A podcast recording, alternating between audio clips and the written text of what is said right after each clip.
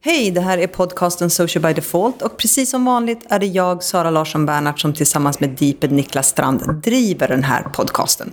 Det här är det tredje av sju specialavsnitt som handlar om insticksdriven strategi eftersom både jag och Niklas går en kurs på Bergs som handlar om just detta.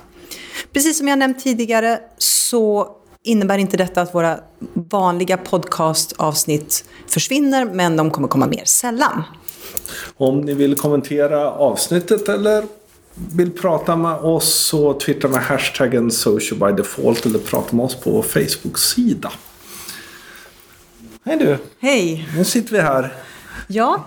Var idag, är vi någonstans? Idag är vi inte på Bergs. Idag är vi på Augur som ligger på Barnhusgatan. Eh, som är, Augur är ett researchföretag som framför allt arbetar med kvantitativ men kvalitativ data i form av researchgrupper och fokusgrupper och intervjuer och sådana saker. Mm. Vad har vi gjort här? Vi fick en fantastisk presentation under förmiddagen om hur de arbetar just för att hitta rätt insikter genom att plocka ut fokusgrupper, hur man arbetar med rätt frågeställning, hur man läser av en grupp för att kunna driva de här frågorna framåt. För att faktiskt titta bakom beteenden för att kunna se hur man ska produktutveckla, kommunikationsutveckla, varumärkesutveckla, vad det nu är för utmaning som företaget som man har fått det här uppdraget av har. Väldigt många gånger, och vi pratar ju om det, pratar man ju om data, då pratar man om ren statistik. Mm. Men jag menar, eh, kvalitativ data är minst lika viktig. Eh, och det här är ju det de jobbar med och sen analyserar. Det, det är lätt att man glömmer bort det. Att man, många gånger i researchen går man ju på data som redan är analyserad och därmed har man ingen möjlighet att dra egna slutsatser ur det. Och därför behöver man göra sådana här saker. Ja, och framförallt i de exemplen som jag tyckte var jätteintressant som vi såg då när man till exempel introducerade bag-in-box-vin. Där man hittade beteenden och behov hos målgrupperna mm. som egentligen gjorde att en bag-in-box-lösning var valid. Men mm. när man pratade med fokusgrupperna så var ju deras känsla helt annorlunda. Mm. Och det är ju ideala jaget och det verkliga jaget. Mm, och hade man då gått på data som hade funnits så hade man ju aldrig kunnat utveckla det här. För mm. det här var ju någonting som inte alls fanns i vår periferi egentligen. Mer än att vi sökte efter någonting. Vi hade ett behov av någonting som på marknaden inte fanns idag. Och det, där kan man ju lätt säga, det för, då blir det för, jag menar, vi säger en sak och gör en annan sak. Mm. Så går man på kvantitativ data då får man ju faktiskt det man, vi gör. Ja. Eh, och det kan man ju tycka, men det är ju det som är intressant. Samtidigt så missar man då den här dubbelheten i, i eh, oss som personer kanske? Ja, för i det finns ju alltid den här ifrågasättningen, ifrågasättandet. Varför upplever du det här?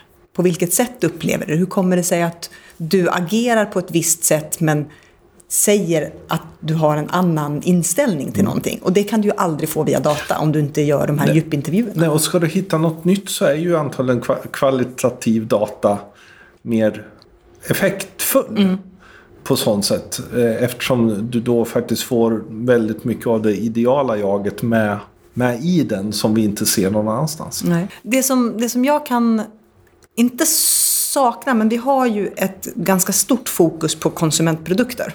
Och gissningsvis så kanske man inte har kommit lika långt när det gäller business to business-branschen. Man jobbar kanske mycket mer med med kvantitativ data och med erfarenheter snarare än kanske fokusgrupper. Och här behöver jag fundera lite grann på hur det här skulle kunna appliceras i, i min verklighet. Mm. Det har väl kanske inte med att man inte kommit så långt utan att man är ganska långt in på att sälja med rationella mm. metoder och rationella budskap. Eh, trots att man vet idag att emotionella budskap är viktiga och det är där man någonstans ändå kan börja förstå och få insikter runt och hitta när man gör eh, mer än kvali kvalitativa studier. Mm. Men jag förstår dig hur du tänker. Men jag tror det är snarare där än att man skulle liksom vara långt bakom. Utan det är mer den här synen att Rationellt köp, och fakta man, säljer. Köper man en, en bearing eller köper man båt eller köper man en whatever som är liksom ett business to business. Då, är det som, då gör man det rationellt. Man, känslor är inte involverade. Nej. Samtidigt som vi, vi hela tiden kommer tillbaks till liksom att vi är människor i grund och botten. Och där kommer ju system 1 och system 2 in egentligen. Men hur, hur rationella vi ändå tror att vi är i ett val så är det oftast en slump eller en händelse eller någonting som gör att vi genomför en konvertering eller att vi tar ett beslut. Och det är oftast emotionellt betingat. Vad tar du med dig från dagen? Jag, tar med mig, jag, jag har ju utbildat mig i både kvall och kvant för många år sedan. Och även, jag har jobbat med sådana här saker ett tag. Så, så jag tar my- mycket i liksom att starta igång den hjärnan. Och jag blir ju så här, jag blir ju både eh, till mig och samtidigt lite sådär vet hur otroligt svårt det är att få göra riktiga undersökningar. Därför det som jag tycker är mest fascinerande det är ju observationsundersökningar egentligen. Det här att alltså, shoppa långs och, och att åka ut till folk och gå hem till dem och titta vad finns i din kyl då? Varför finns det här i din kyl? Varför har du den här stolen? Sådär. Det fascinerar mig. Alltså, det är en liten antropolog och etnograf djupt inne med. Men vet ju också att det är ju liksom jättesvårt att få göra sådana och få igenom dem. Och där, där, det jag nog tar med mig är återigen lite kanske frustrationen över att vilja göra sådana saker eh, eller åtminstone beställa dem. Men det inte finns någon som betalar ordentligt. Men vilka är det som använder sig av sådana här fokusgrupper? Vad, när när är det valid att göra det? Men fokusgrupper använder ju många. Så, så, utan det är ju mer, alltså, mer den här observerande, vad ska man säga, den brittiska planningen som är verkligen liksom åka iväg ett halvår och bo hos någon för att lära sig. Liksom. Eh, som, jag alltid, som alltid fascinerat mig. Liksom. Fokusgrupper tror jag mm, självklart, det vi fick insikt i nu är någonstans att man har förstått mer liksom hur, både hur svårt det är och de verkar vara, vad jag hör, väldigt bra på det. För det är jättesvårt med fokusgrupper. Och få det rätt och undvika bias och undvika att egentligen inte få ut det man vill. Så, Ja, framförallt just den här rekryteringen. Vilka människor ska vi rekrytera? Hur ska gruppen samspela ihop? Jag tyckte hon hade ganska bra exempel på det. Att om man ska prata intima saker så kanske man ska dela upp i kön. För att det kanske gör så att eh, en, en grupp som är sammanslagen av både män och kvinnor kan hämma några. Eller att man faktiskt ska skala ner gruppen och använda sig utav, inte en persons intervjuer, utan faktiskt jag och en kompis. För att det kan bli ett samtal istället. Att man behöver hela tiden vikta det här inför de här intervjuerna. Vad är den ultimata lösningen så vi kan komma fram till rätt resultat? det, och det jag tänkte hela tiden var någonstans att jag med hur, hur otroligt viktig kvalitativa undersökningar kommer fortsätta vara ju mer vi kan använda kvantitativt som, som är gjort med data. Alltså data som gör dataundersökningar. Men tror vi att det blir svårare att motivera en kvalitativ undersökning eftersom vi idag faktiskt kan få tag på så mycket data? Det borde inte vara där, men vi är nog där. Vi pratar ju lite om det då, att det är väldigt lätt att säga Ja men eh, som Ford sa så om han hade frågat så vi skiter i att fråga folk och gör bara. Eh, det, det tror jag snarare att vi ska lära oss av Ford att nej vi ska fr- fråga folk verkligen vad de önskar och förstå det. Vad ville, ja men de önskade en bättre häst, okej. Ja, men där är den insikten som vi ska gräva i. Inte liksom, nej men de vet inte vad en bil är. Vi kan inte veta vad som inte finns. Men däremot så kan vi lyssna vilka önskningar, vilka behov som finns. Där, det var ganska intressant, för när vi pratade om det, framförallt då när vi pratade om den här bag-in-box-lösningen, så kom jag att tänka på Du har Apple. fastnat i vinet. Jag har fastnat i vinet. Nej, men just det här att våra önskemål eller våra beteenden eller sättet vi vill att saker ska vara på eller önskar kan skapa en produktutveckling som vi inte kan förutse. Jag menar, just det här när Apple tog bort hörlursuttaget. Hade man frågat folk så hade man inte fått ett svar att ja, men det var självklart att vi ska göra det. Men jag kan tänka mig att beteendena i att det trasslar med sladdar, att man måste hela tiden ha telefonen i närheten för att kunna koppla upp sig. Allt sånt där har ju någonstans i deras fokusundersökningar då visat att jo, men om vi skulle ta bort hörlursuttaget och börja jobba med blåtandshörlurar, då kommer allt det här trasslet försvinna. Men hade man gått och frågat mig så hade jag tyckt att, men vad fasen, jag vill ju ha mina hörlurar. Och, och där är också just att se liksom, men då kvalitativ data, precis som kvantitativ data, inte kan vara det som bara bestämmer någonting. Utan jag menar, någonstans-analysen, därför jag menar, i Apples fall så kan det säga, ja då hade man fått den kvalitativa datan att folk inte vill. Samtidigt så, så liksom vill man göra det. Ja, men då, samtidigt så har ju de tittat på, ja men vad händer? Hur är utvecklingen på hörlurssidan? Hur är utvecklingen blåtand? Mm. Hur, hur är hur är vår utveckling i vårt mobila liv? Ja, men det är dags att göra den här förflyttningen. Eh, från att ha trådade saker till att ha trådlösa saker. Och den är ju en sån här sak som kommer från någon annat håll, inte i några av de här undersökningarna då som vi har pratat om idag. Så det blir ju hela det här insiktsarbetet blir ju otroligt viktigt att man inte bara tittar på kvantitativ data utan bara tittar på målgruppernas kvalitativa utan också titta vad är kontext. Och där kommer ju in ganska mycket. För i eftermiddagen har vi ju haft en egen uppgift som vi har presenterat. Mm. Och där kom några saker upp som var ganska intressanta just där att okej okay, den här kom ju till på grund av en kontext snarare än en målgrupp. Mm. Att någonting hände i samhället som öppnade upp för en, ett annat budskap. Och för er som lyssnar då, det, det vi hade i uppgift till idag var att vi skulle titta på en kommunikationslösning, kunde varit en reklamfilm eller en annons eller någonting och fundera på vad var insikten som gjorde att man kom fram till den här lösningen. Mm. Bakåt engineera. Mm, det blir ju det, mm. eftersom vi redan har... Mm. Det var väldigt nyttigt. Ja. Um, men där såg man ju flera där det var snarare mer att okay, ja, men det här handlar ju om en kontext, mm. en situation. Något mer du tar med dig? Ja, jag tar med mig jättemycket, men jag skulle vilja se hur det här går till. Jag skulle vilja sitta på an andra sidan den här liksom spegelfönsterrutan för att lyssna och titta på hur en sån här fokusgruppsomgång okay. eh, genomförs. Jag blir ja. supernyfiken.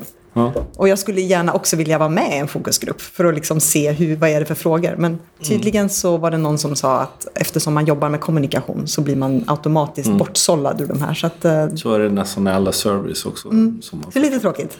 Ja, nej, men vi är ju körda sådär. Vi är biased så det smackar om det. Mm. Men sen, an, an, annat då? Jag tror också att jag kommer efter idag att titta på eller analysera reklamfilmer eller annonser och sånt på ett annat sätt. Jag kommer nog försöka backengineera dem också och fundera mm. på hur långt in i insiktsarbetet har de tagit det här för att komma fram till den här lösningen? Eller är det en väldigt rationell aktiveringskampanj mm. som egentligen inte har ett insiktsarbete bakom. Och det där tror jag är ganska viktigt generellt. För jag, jag tänker lite alla diskussioner som ofta sker och i vår, i vår lilla bubbla mm. av kommunikationsmänniskor där folk liksom säger ah, fan vad dålig Filmstadens nya logga, bla bla bla och liksom det där var väl inget bra eller gud vad bra den är. Att någon satt började fundera, men det görs en massa jobb bakom. Ja. Det är inte så att någon liksom säger nej vi byter logga, nej, nej, man ritar något. Nej. Alltså det sker ju inte. Eh, och att man faktiskt börjar dels någonstans i ödmjukhet inse att ja, men det har skett massor med jobb bakom det här. Mm. Man kanske inte tycker det är bra. Men börja fundera, men vad kan det ligga bakom? Ja. Vad, vad, är det för saker som de faktiskt har hakat upp sig på och använt och vilka triggerpunkter är det som gör att de har kommit fram till det här? Och framförallt så kanske man inser att det, liksom, det kanske är ganska bra. Ja. Jo, men, och det tror jag är den absolut största saken som jag tar med mig mm. i det här. Liksom, tänka 14 steg bakåt och fundera på okej, okay, vad är det för önskemål eller beteenden eller behov som faktiskt ligger bakom den här lösningen mm. hos en, en, målgrupp eller hos en grupp människor som man faktiskt vill möta. Mm. Sen tar jag med mig eh, mättnadsdelen. Därför det diskuterar runt kvalitativ. Mm. Det här att till slut har man faktiskt en mättnad på data mm. eller, i det här. Att, ja, men då hör man samma sak igen. Ja, men då är det klart. Ja. Eh, och, och, det där tror jag generellt i researchfasen kan vara lite svårt. Att någonstans, ja, men man letar efter någonting nya någonting mer, någonting mer, någonting mm. mer. Men man, sa... man, blir liksom inte klar riktigt. Men just också i den här researchen, för de, de, hon nämnde någonting om att det räcker någonstans runt 8-10 intervjuer för att kunna få djupintervjuer, djupintervjuer för att få 80 procent av det man behöver. Sen mm. kan man göra några till bara för att försäkra sig. Mm. Men också att man är duktig när man intervjuar att inte gå på själva huvudfrågan först. Utan man måste någonstans inleda människan i nu diskuterar vi det här och så trattar man ner det. Att man faktiskt har det tålamodet. Och, att man inte har en agenda. Ja, precis. Och det, det vet jag andra, andra eh, delar eh, kan man också fundera, men hur, hur sker ett samtal? Det är ju inte så att nu ska vi ha ett samtal, då ska vi direkt prata om det vi ska prata om. Utan man börjar någonstans ganska allmänt, man pratar generellt och sen kom, kommer neråt. Så ganska viktigt generellt när man intervjuar eller när man kanske debriefar eller man låter ändå sa saker gå sin normala gång. Ödmjukheten inför den som är moderator eller intervjuare, att den gör ett jättejobb. Och måste vara duktig. Mm. Ja, även de, de som gör analyser och så. Därför, men, när man har suttit i det här och gjort det här så vet man ju det är ju ett jävla jobb. Liksom. Man lyssnar samma sak om och om igen. Och så, eller man har transkriberingar. Ja, men då läser man samma och försöker liksom pussla ihop saker. Ehm, det är inte helt Helt enkelt. Vi hade ju frågan här på slutet, ja men ska man göra det här själv eller ska man köpa eh, sådär? Och har man gjort det några gånger så är det nog så här, ja men någon som är riktigt bra på det är antagligen mycket mer effektivt att faktiskt låta dem göra det än att man försöker göra det själv. Därför det tar fruktansvärt mycket tid. Men om man inte har råd då att köpa? Då får man göra, och lite som vi sa, ja, men gör några intervjuer. Ja. Eh, åk ut och titta. Eh, du kommer inte kunna bygga ett beslut på den datan. Men du kan få en, en, del, en del insikt. Ja. Det, det är ju, tycker jag, generellt. Jag menar, gör en del saker för att åtminstone få indikationer. Mm. Som sen kan dra dig åtminstone åt rätt håll. Så bör man göra när man jobbar med pitcher och Frågan är hur ofta man hinner bara. så är det ju. Ja. Det, för det, här, men det, det, vi är ju, det här är ju en kurs runt planning. Och det här är ju liksom plannerjobb som Mm. ska göras. Ja, Men en fantastiskt spännande dag i alla fall, tycker jag. Snart dags att åka hem. yes. Nästa vecka ska vi vara tillbaka på Bergs och vi ska fortsätta våra grupparbeten och vi ska helt enkelt fortsätta fördjupa oss i ännu bättre hur vi får fram rätt insikter. Precis. Hoppas att det här har givit er lite grann och vi ses om en vecka. Det gör vi. Ha det gott! Hej då. Hej!